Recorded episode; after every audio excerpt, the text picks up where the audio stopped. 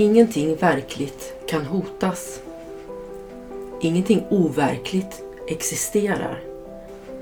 Här i ligger Guds frid.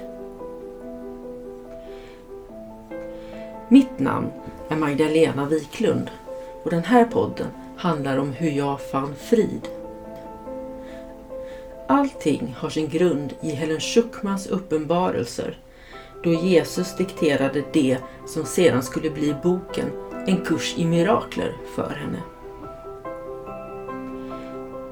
Jag kommer att referera både till kursen och till Bibeln eftersom Helen fick så mycket förklarat för sig av Jesus om hur vi egentligen bör tolka Bibeln.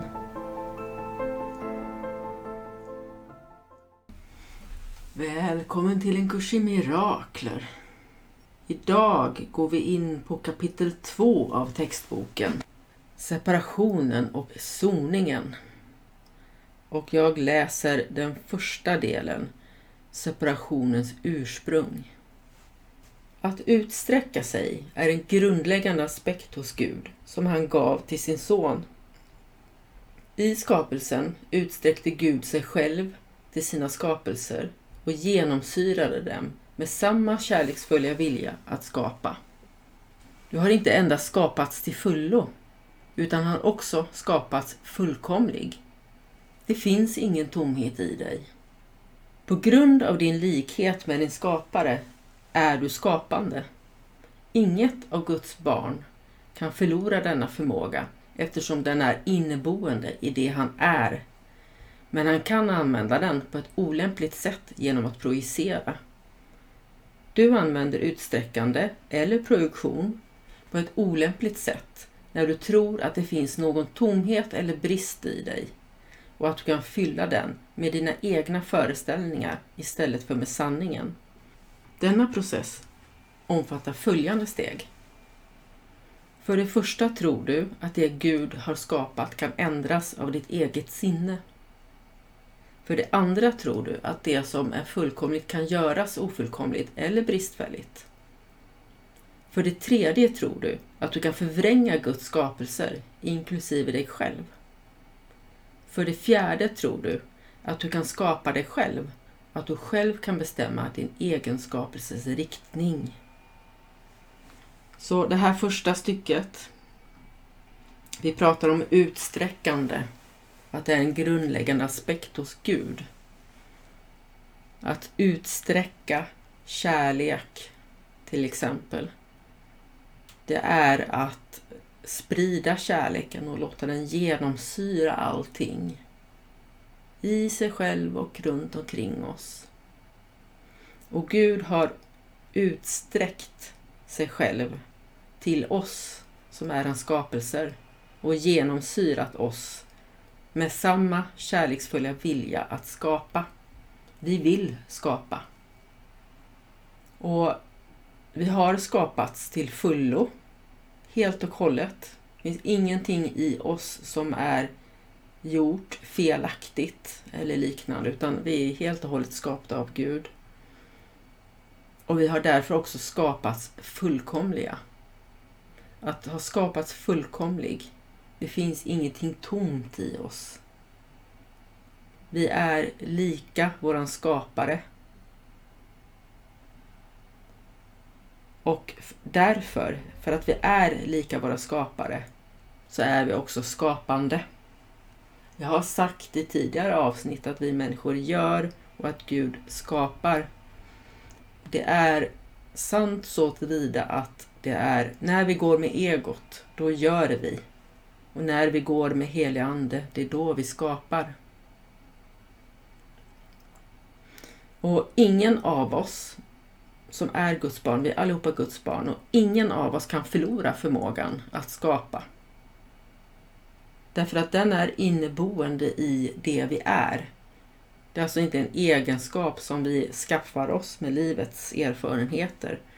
Utan när vi föds så har vi det här i oss redan, förmågan att skapa när vi går med helig ande.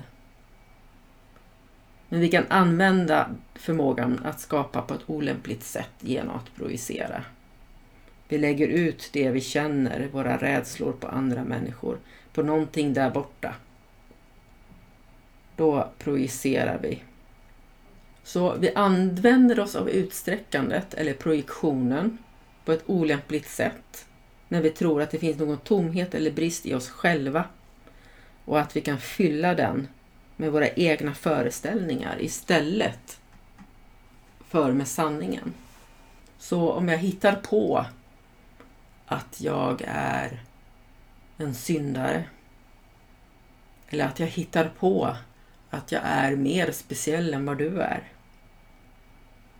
Jag hittar på att min jobbtitel är himla viktig. Då har jag fyllt mig själv med föreställningar, fyllt den tomhet jag inbillar mig att jag har med mina egna föreställningar. Och Det här är en process. Så det är ingenting som görs bara ett enda steg utan det är en process som görs i fyra steg enligt kursen. Och det första steget innebär att vi tror att det Gud har skapat kan ändras av vårt eget sinne. Och det där känner jag igen så väl ifrån mitt eget liv. Att jag sätter stämplar på mig själv som en syndare utan att egentligen lyssna till vad Gud säger mig. Om Gud säger att han har skapat mig fullständig och fullkomlig så försöker jag ändå att få det till att vara någonting annat.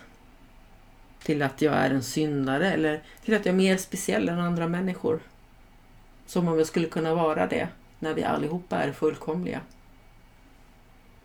Och även efter att jag funnit kursen och sagt till mig själv att det här tror jag på. Jag tror på att vi är födda utan synd. Att vi saknar förmåga att synda. Så kan jag fortfarande tala om för mig själv att jag är en syndare. Framförallt om jag har gjort någonting som jag tycker är fel. Då dömer jag mig själv och på samma sätt kan jag döma andra.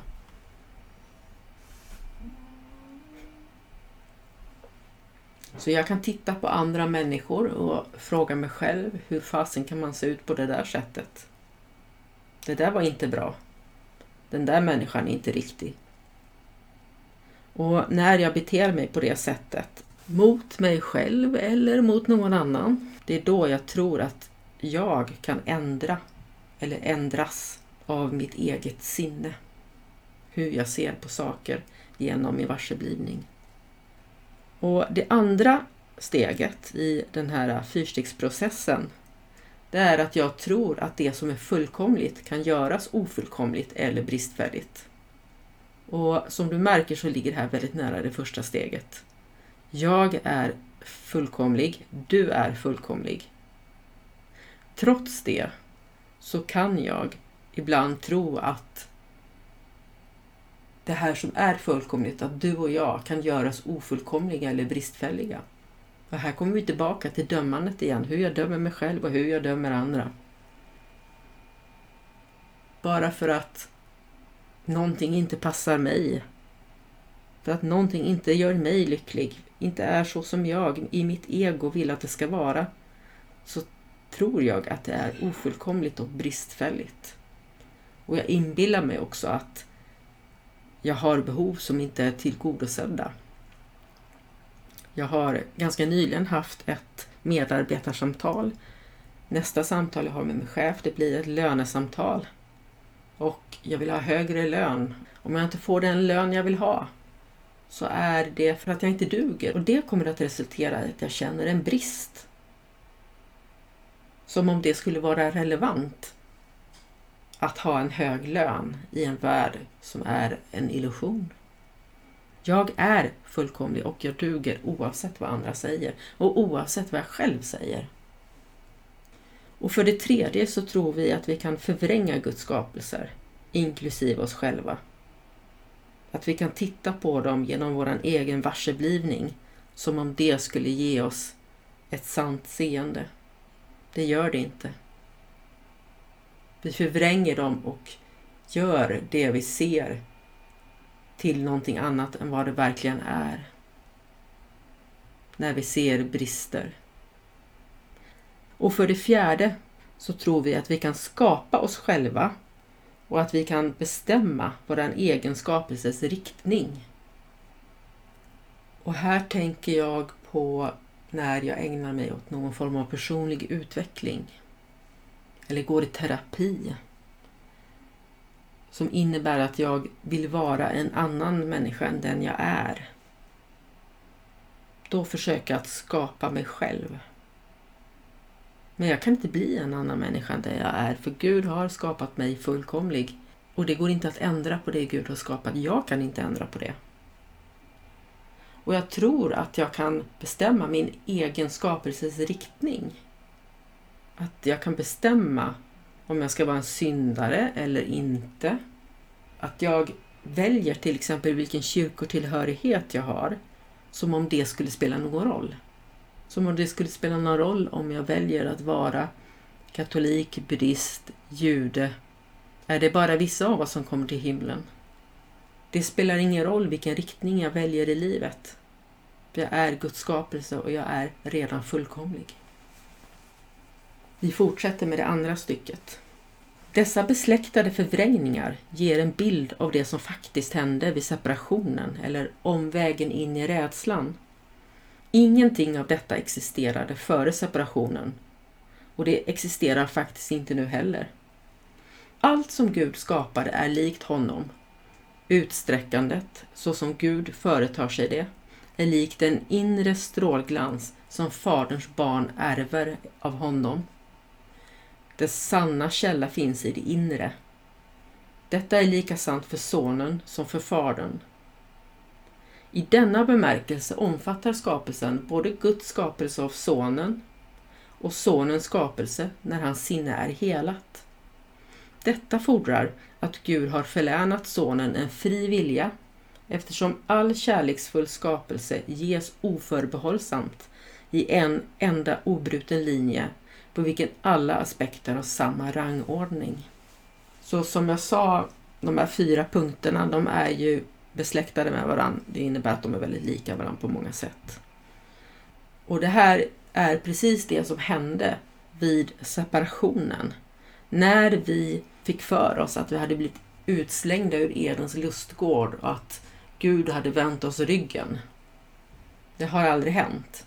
Men de här fyra stegen är det som händer med oss. Men det har aldrig hänt. Det hände inte före separationen och det hände inte efter heller. Det finns ingen separation. Men vi tror det. Allt som Gud skapat är likt honom. Vi är lika Gud. Gud har skapat oss till sin avbild. Du hittar det citatet i Första Moseboken kapitel 1, vers 27. Utsträckandet, så som Gud företar sig det, är likt den inre strålglans som Faderns barn ärver av honom. Så när Gud utsträcker sig, Gud är Gud, Gud är fantastisk och jag tror att de flesta människor av oss som tror på Gud ser Gud som fantastisk, som en kärleksfull strålglans. Om man tittar på bilder som ritas och målas av Jesus exempelvis så är det ofta bilder i pastellfärger, mjuka varma färger och eh, ja, helt fantastiska bilder som ger mig en fantastisk känsla inombords. Och det här säger vi, det är så vi uppfattar Gud. Men det är faktiskt också så att det här, precis så är strålglansen som Gud har givit oss så nästa gång du tänker på Gud som något strålande fantastiskt, kom ihåg att du är lika strålande och lika fantastisk. Och Det beror på att källan finns i det inre. Källan till den här strålglansen finns i vårt inre som vi faktiskt har fått av Gud. Och Det här är lika sant för Sonen som för Fadern. Det är alltså lika sant för dig och mig som för Gud. Och I denna bemärkelse omfattar skapelsen både Guds skapelse av Sonen och so Sonens skapelser när vårt sinne är helat. Så att skapelsen, den består både av det Gud har skapat, när han skapade oss, och det vi skapar när vårt sinne är helat. För att vi ska kunna skapa måste sinnet vara helat. Och då är våra skapelser en del av skapelsen som sådan. Och för att det här ska kunna vara så kräver det ju att Gud faktiskt har givit oss, Guds barn, en fri vilja. För att en, en skapelse som är utan kärlek ges ju med förbehåll. Men Gud är endast kärlek och därför så ges allting utan förbehåll till oss i en obruten linje. En enda obruten linje. Det ges ständigt, här och nu, hela tiden. Det är inte så att Guds gåvor till oss minskar ibland och ökar ibland beroende på vad vi gör eller inte gör, utan det ges lika mycket hela tiden. Alltid. Och alla aspekter här har samma rangordning. Det finns ingenting som Gud ger oss som är bättre eller sämre av någon anledning alls. Utan allt är lika fantastiskt. Allt kommer från Gud. Allt är Gud. Vi tar en kort paus och lyssnar på lite musik. Och sedan återkommer jag med att läsa det tredje stycket.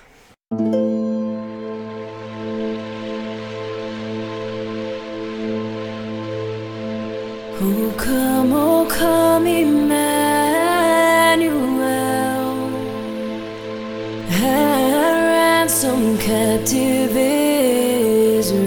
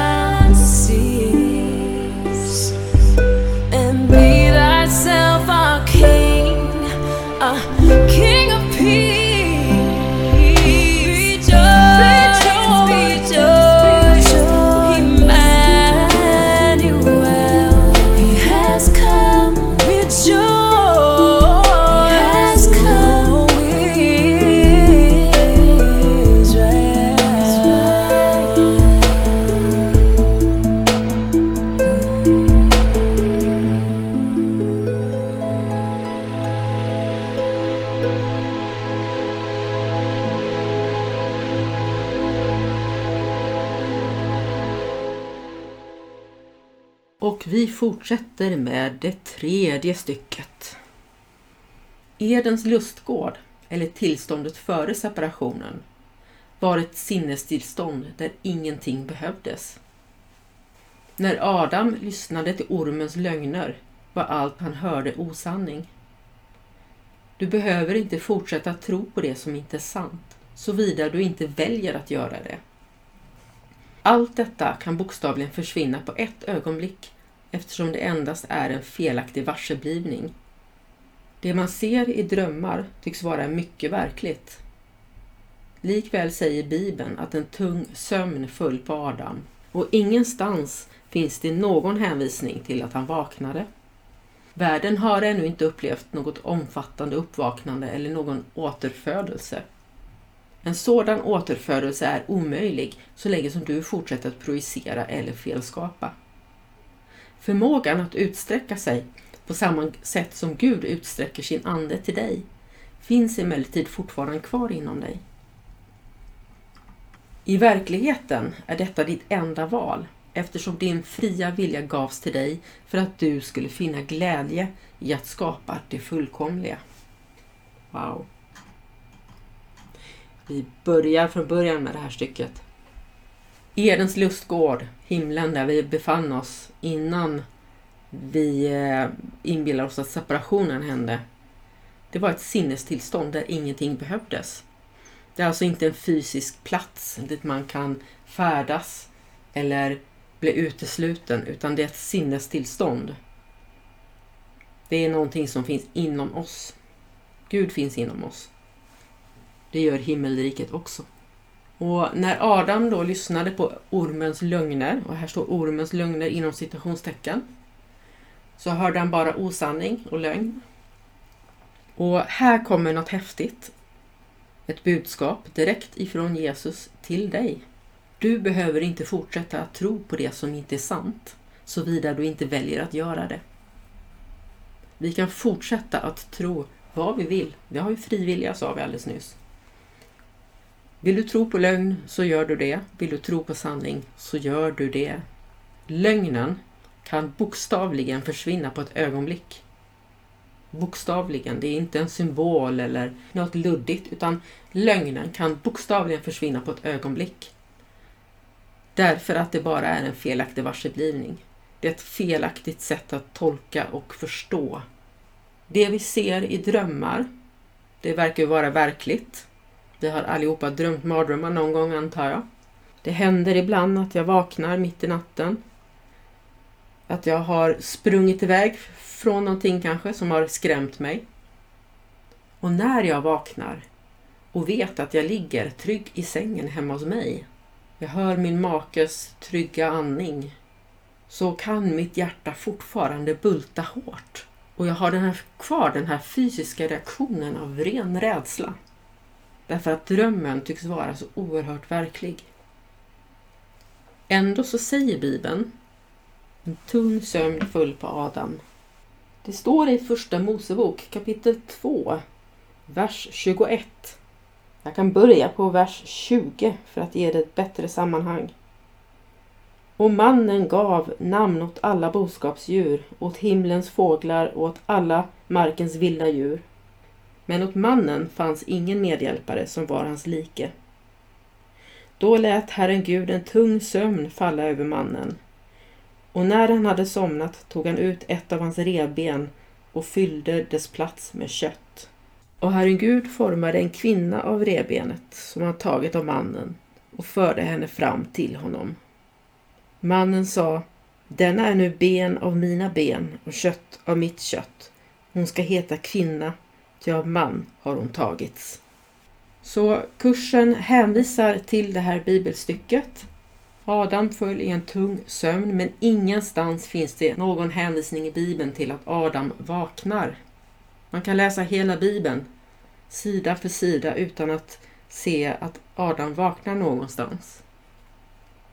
Världen, som vi uppfattar den, illusionen, har inte upplevt något omfattande uppvaknande eller någon återfödelse ännu.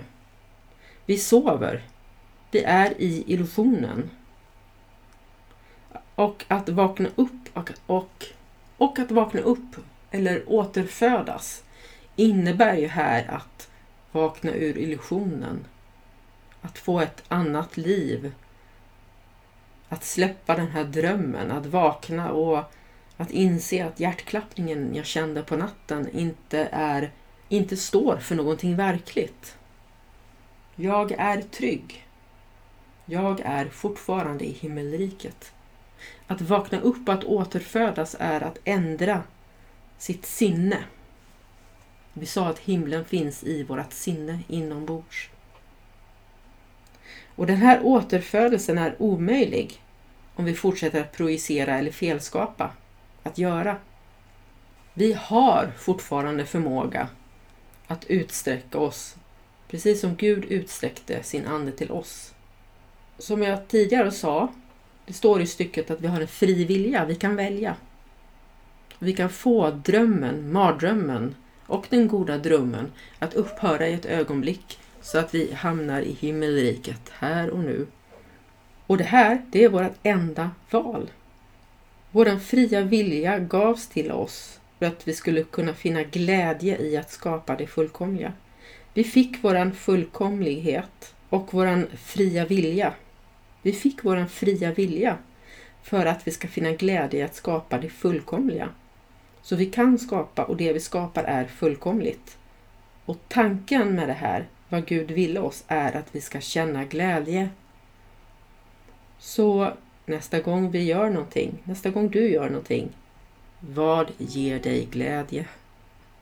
All rädsla kan ytterst reduceras till den grundläggande felaktiga varseblivningen att du har förmågan att tillskansa dig Guds makt. Naturligtvis varken kan du eller har du kunnat göra detta. Här finns den verkliga förutsättningen för att du ska kunna göra dig fri från rädslan. Du gör dig fri genom att du accepterar soningen som gör det möjligt för dig att inse att du egentligen aldrig begått några misstag. Först efter att den tunga sömnen föll på Adam kunde han uppleva mardrömmar. Om ett ljus plötsligt tänds medan någon drömmer en skrämmande dröm kan han till en början tyda det så att själva ljuset är en del av hans dröm och blir rädd för det. Men när han vaknar varse blir han helt korrekt ljuset som en befrielse från drömmen, som då inte längre tillskrivs någon verklighet. Denna befrielse beror inte på illusioner. Kunskapen som upplyser dig gör dig inte endast fri, utan visar dig också tydligt att du är fri.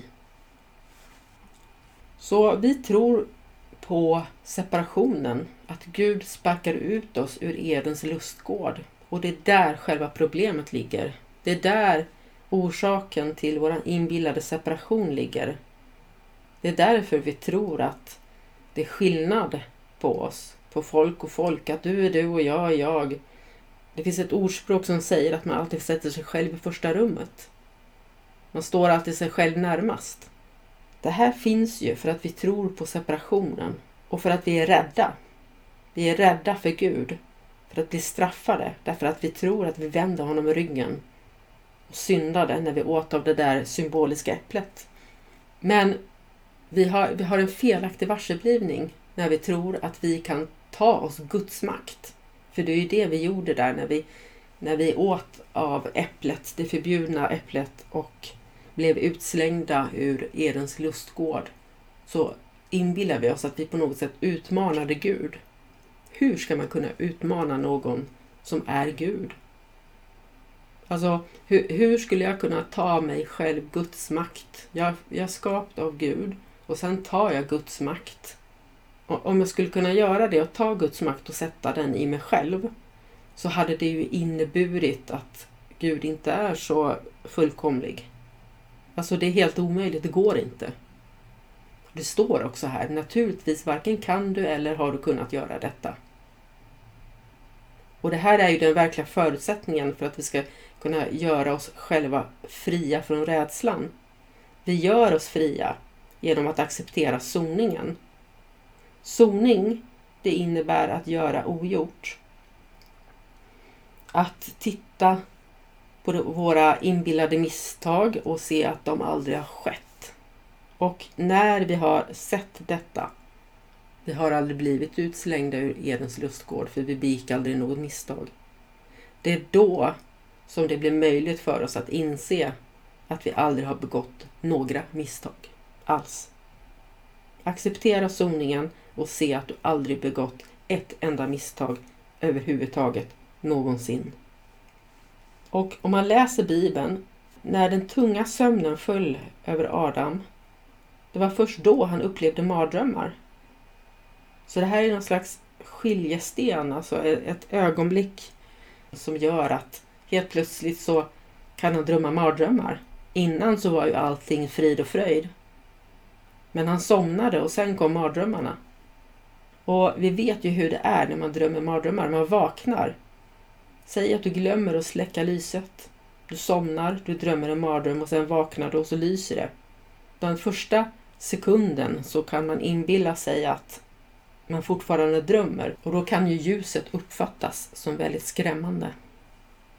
Men när man har vaknat, verkligen vaknat, så ser man ljuset som det är.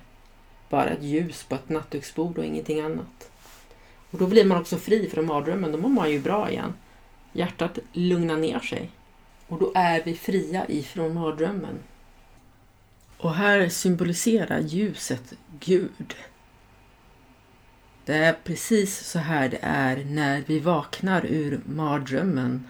Ljuset, Gud, kan i början skrämma oss. Just för att vi tror att vi svikit Gud, att vi vänt honom ryggen och att han kommer att hämnas. Men när vi verkligen har vaknat, då kommer vi se att vi äntligen är fria. Fria ifrån den mardröm som vi själva gjorde. Och det beror ju inte på någon illusion, utan det beror på kunskap. Vi blir upplysta av kunskap som både gör oss fria men också visar oss att vi är fria. Vi har alltid varit fria. Det femte stycket. Vilka lögner du än kanske tror på har ingen betydelse för miraklet som kan hela dem alla med samma lätthet. Det gör ingen åtskillnad mellan felaktiga varseblivningar. Det enda de eftersträvar är att skilja mellan sanningen å ena sidan och misstag å den andra. Och misstag å den andra. Några mirakler kan tyckas vara större än andra. Men kom ihåg den första principen i den här kursen. Det finns ingen rangordning av svårigheter i mirakler. I verkligheten är du fullkomligt opåverkad av alla uttryck för brist på kärlek. Dessa kan komma från dig själv och andra, från dig själv gentemot andra eller från andra gentemot dig. Frid är en egenskap i dig. Du kan inte finna den utanför. Sjukdom är en form av yttre sökande. Hälsa är inre frid. Den gör det möjligt för dig att förbli oberörd av brist på kärlek utifrån. Och genom att du accepterar mirakler blir du i stånd till att rätta det tillstånd som härrör från brist på kärlek hos andra. Det var sista stycket det. Du får tro på vilka lögner som helst. Det spelar ingen roll för miraklet. Vi har pratat om mirakler tidigare, vad det är. Mirakler tar oss från rädsla till kärlek. Och vill du tro på att du är en syndare? Eller om du vill tro på att Gud inte finns? Eller på tomten? Små och stora lögner, det spelar ingen roll. För att mirakel kan hela alla felaktiga varseblivningar som vi har. Och det är lika lätt oavsett. Det är alltså inte vi som gör någonting. Det ligger inte hos oss det beslutet utan ett mirakel kommer genom helig ande till oss. Och då kan vi släppa de här felaktiga varseblivningarna, de blir rättade. Det enda miraklet gör, det är att skilja mellan sanning och misstag. Våra inbillade misstag. Så genom miraklet ser vi sanningen. Och sen kan det ju vara så ibland att en del mirakel i våra liv känns större än andra. Det kan kännas större att få en relation helad genom ett mirakel när den har varit trasig i många, många år. Och det kan kännas mindre att få en tillfällig konflikt, ett gnabb som har varat i 30 minuter helat genom ett mirakel. Men det är samma sak. För kom ihåg, den första principen i kursen som vi läste när vi läste kapitel 1, del 1. Första principen om mirakel säger att det finns ingen rangordning av svårigheter i mirakler. I verkligheten är vi alltså fullkomligt opåverkade av alla uttryck för brist på kärlek. Det finns ingen rangordning av svårigheter i mirakler.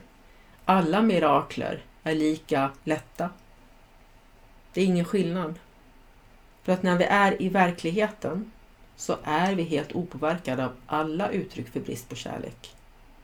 Inte bara vissa, utan alla. Alla de här uttrycken för brist på kärlek, de kan komma ifrån oss själva och andra. Ibland så känns det som att man inte älskar sig själv. Jag känner ibland att jag inte står ut med mig själv, att jag säger dumma saker eller gör dumma saker. Att jag inte fattar. Och det är ett sätt då jag uttrycker brist på kärlek gentemot mig själv. Och på samma sätt så kan andra också uttrycka brist på kärlek gentemot mig. Andra, jag kan uppfatta att andra utstrålar att de tycker att jag är misslyckad eller att jag är dum och så vidare. Och den här bristen på kärlek kan också uttryckas från mig gentemot andra. Jag kan ju ibland förmedla att jag tycker människor är dumma eller korkade. För en tid sedan så var det någon som sa någonting till mig som var skvaller och jag valde att lyssna på det. Och det resulterade i att jag tog bort en vän ifrån min Facebook. Så där har jag utstrålat, förmedlat att det är någon annan som inte duger, att jag har brist på kärlek gentemot den personen. Och det kan också vara att andra utstrålar detta gentemot mig. Att jag upplever att andra behandlar mig illa. Ingenting av det här spelar någon roll när det kommer till mirakler.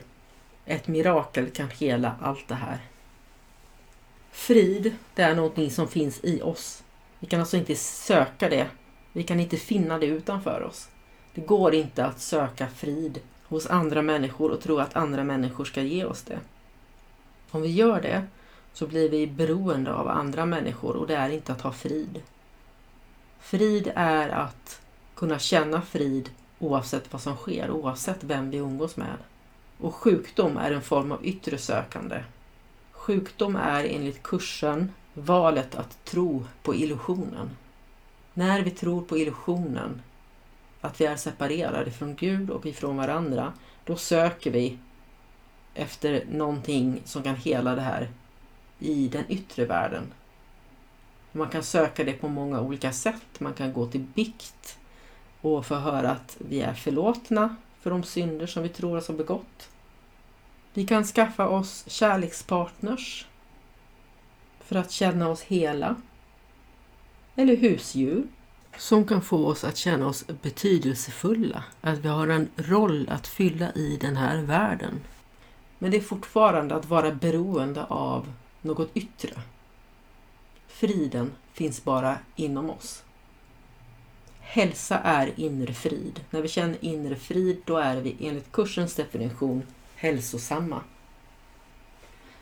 Friden gör det möjligt för oss att vara helt oberörda av brist på kärlek utifrån.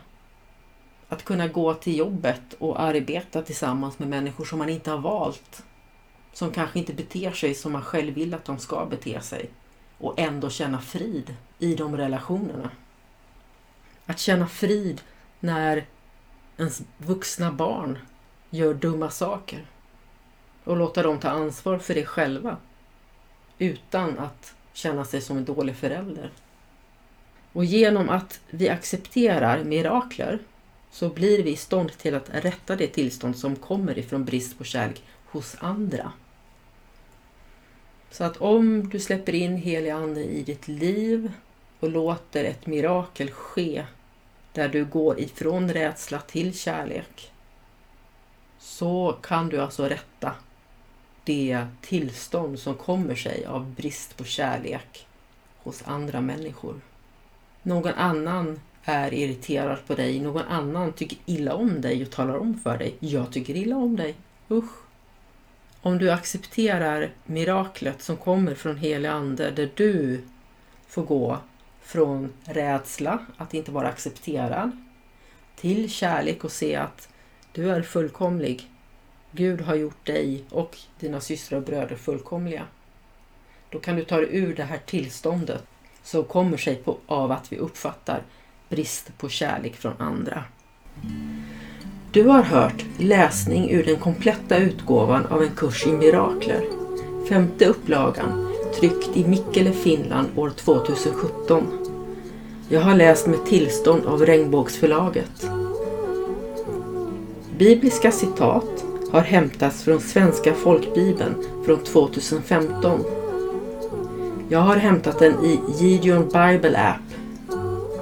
Appen är utgiven 2022 av The Gideon International och jag har läst med tillstånd av Gideon Sverige. Spaceship, spaceship, take me away.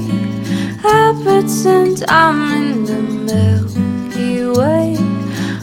Under my covers, constellations inside. Shining on shadows in the sheets with flashlights. With